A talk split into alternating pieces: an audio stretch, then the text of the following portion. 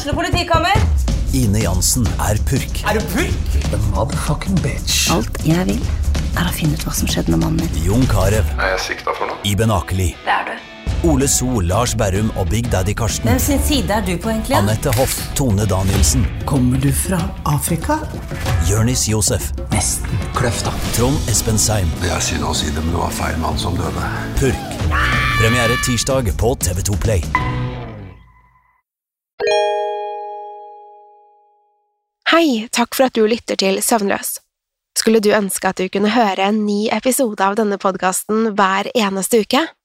Vel, da er det bare å laste ned podkastappen Untold med en gang. I tillegg til ukentlige episoder av podkaster som Skrekkpodden, Truecrimepodden og Henrettelsespodden får du masse annet reklamefritt og eksklusivt innhold. Last ned Untold i AppStore eller Google Play, og start din 30 dagers prøveperiode i dag.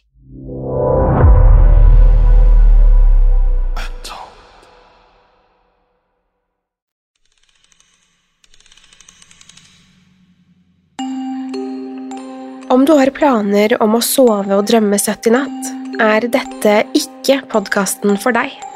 Hvis du er lettskremt, lett påvirkelig eller har søvnproblemer, bør du styre unna akkurat denne. Om du likevel vil ta sjansen, eller er på utkikk etter en unnskyldning for å ikke sove, så har du kommet til rett sted. Om du velger å bli, er du herved advart. Velkommen til Søvnløs. God natt.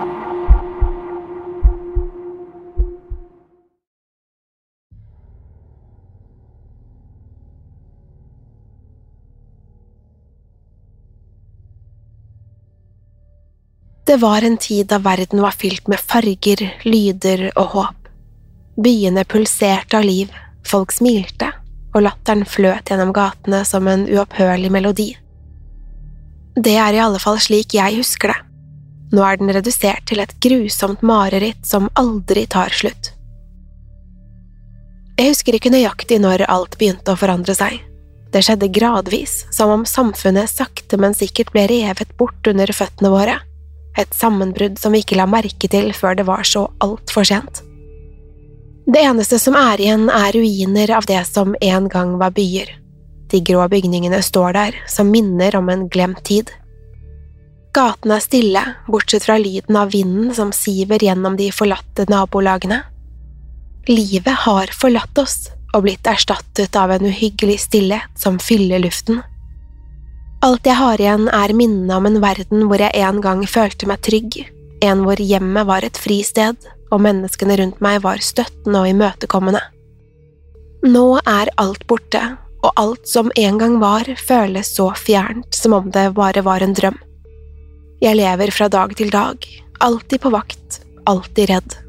De få som fortsatt er igjen, har blitt så forskrudde av denne nye virkeligheten at de er villige til å gjøre hva som helst for å overleve. Folk har mistet seg selv. Vennlighet og medfølelse er erstattet av en rå overlevelsesdrift som gjør dem hjerteløse og kalde. Jeg sier dem, men sannheten er at jeg nok har blitt en sånn selv. Mat er blitt en luksus som de færreste har råd til å overse. De som er heldige nok til å finne noe å spise, må ofte kjempe for å beholde det. Det er som om hver dag er en kamp der de svakeste alltid taper. Jeg har sett mennesker gjøre grusomme ting for et stykke brød eller en flaske vann. Moralen er borte, og kun overlevelsesinstinktet gjenstår. Barnelatteren som en gang fylte luften, er blitt byttet ut med en dyster og trykkende stillhet.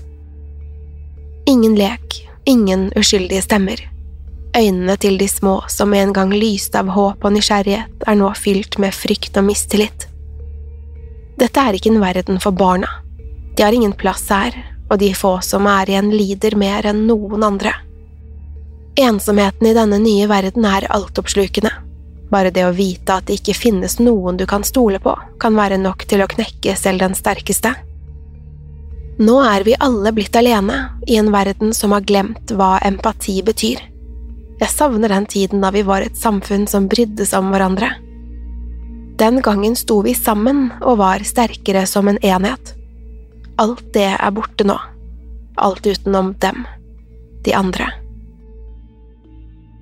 Plutselig var de bare der, uten forvarsel eller forklaring. De var verken venner eller fiender, og likevel forandret de alt. Det var ingen krig eller blodige kamper.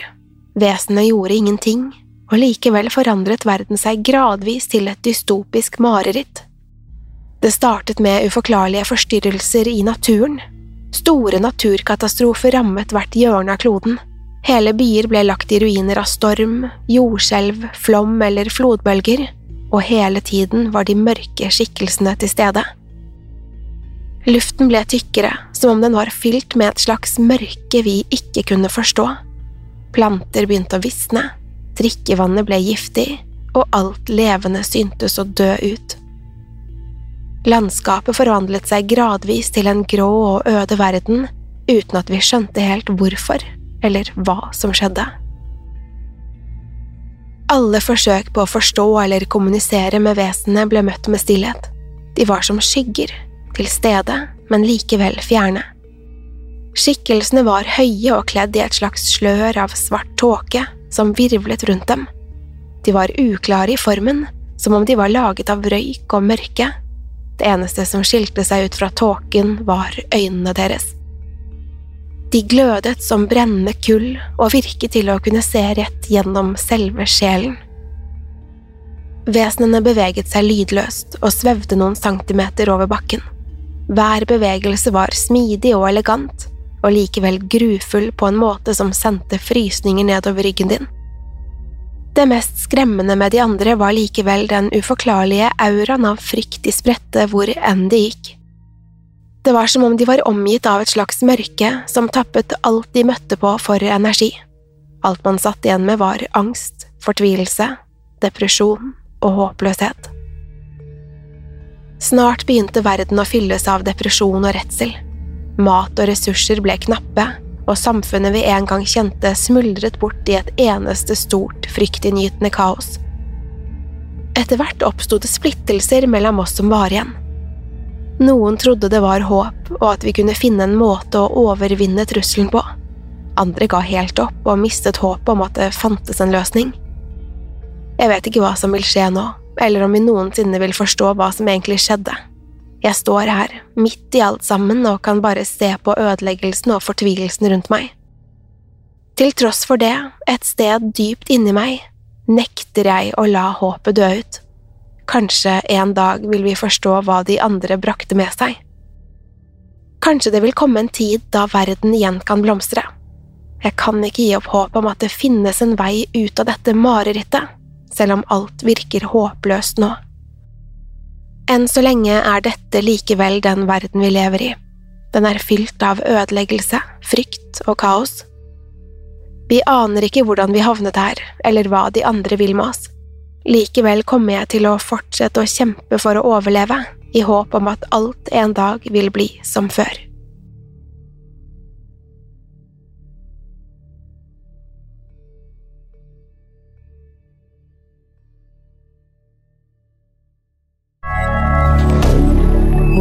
Media.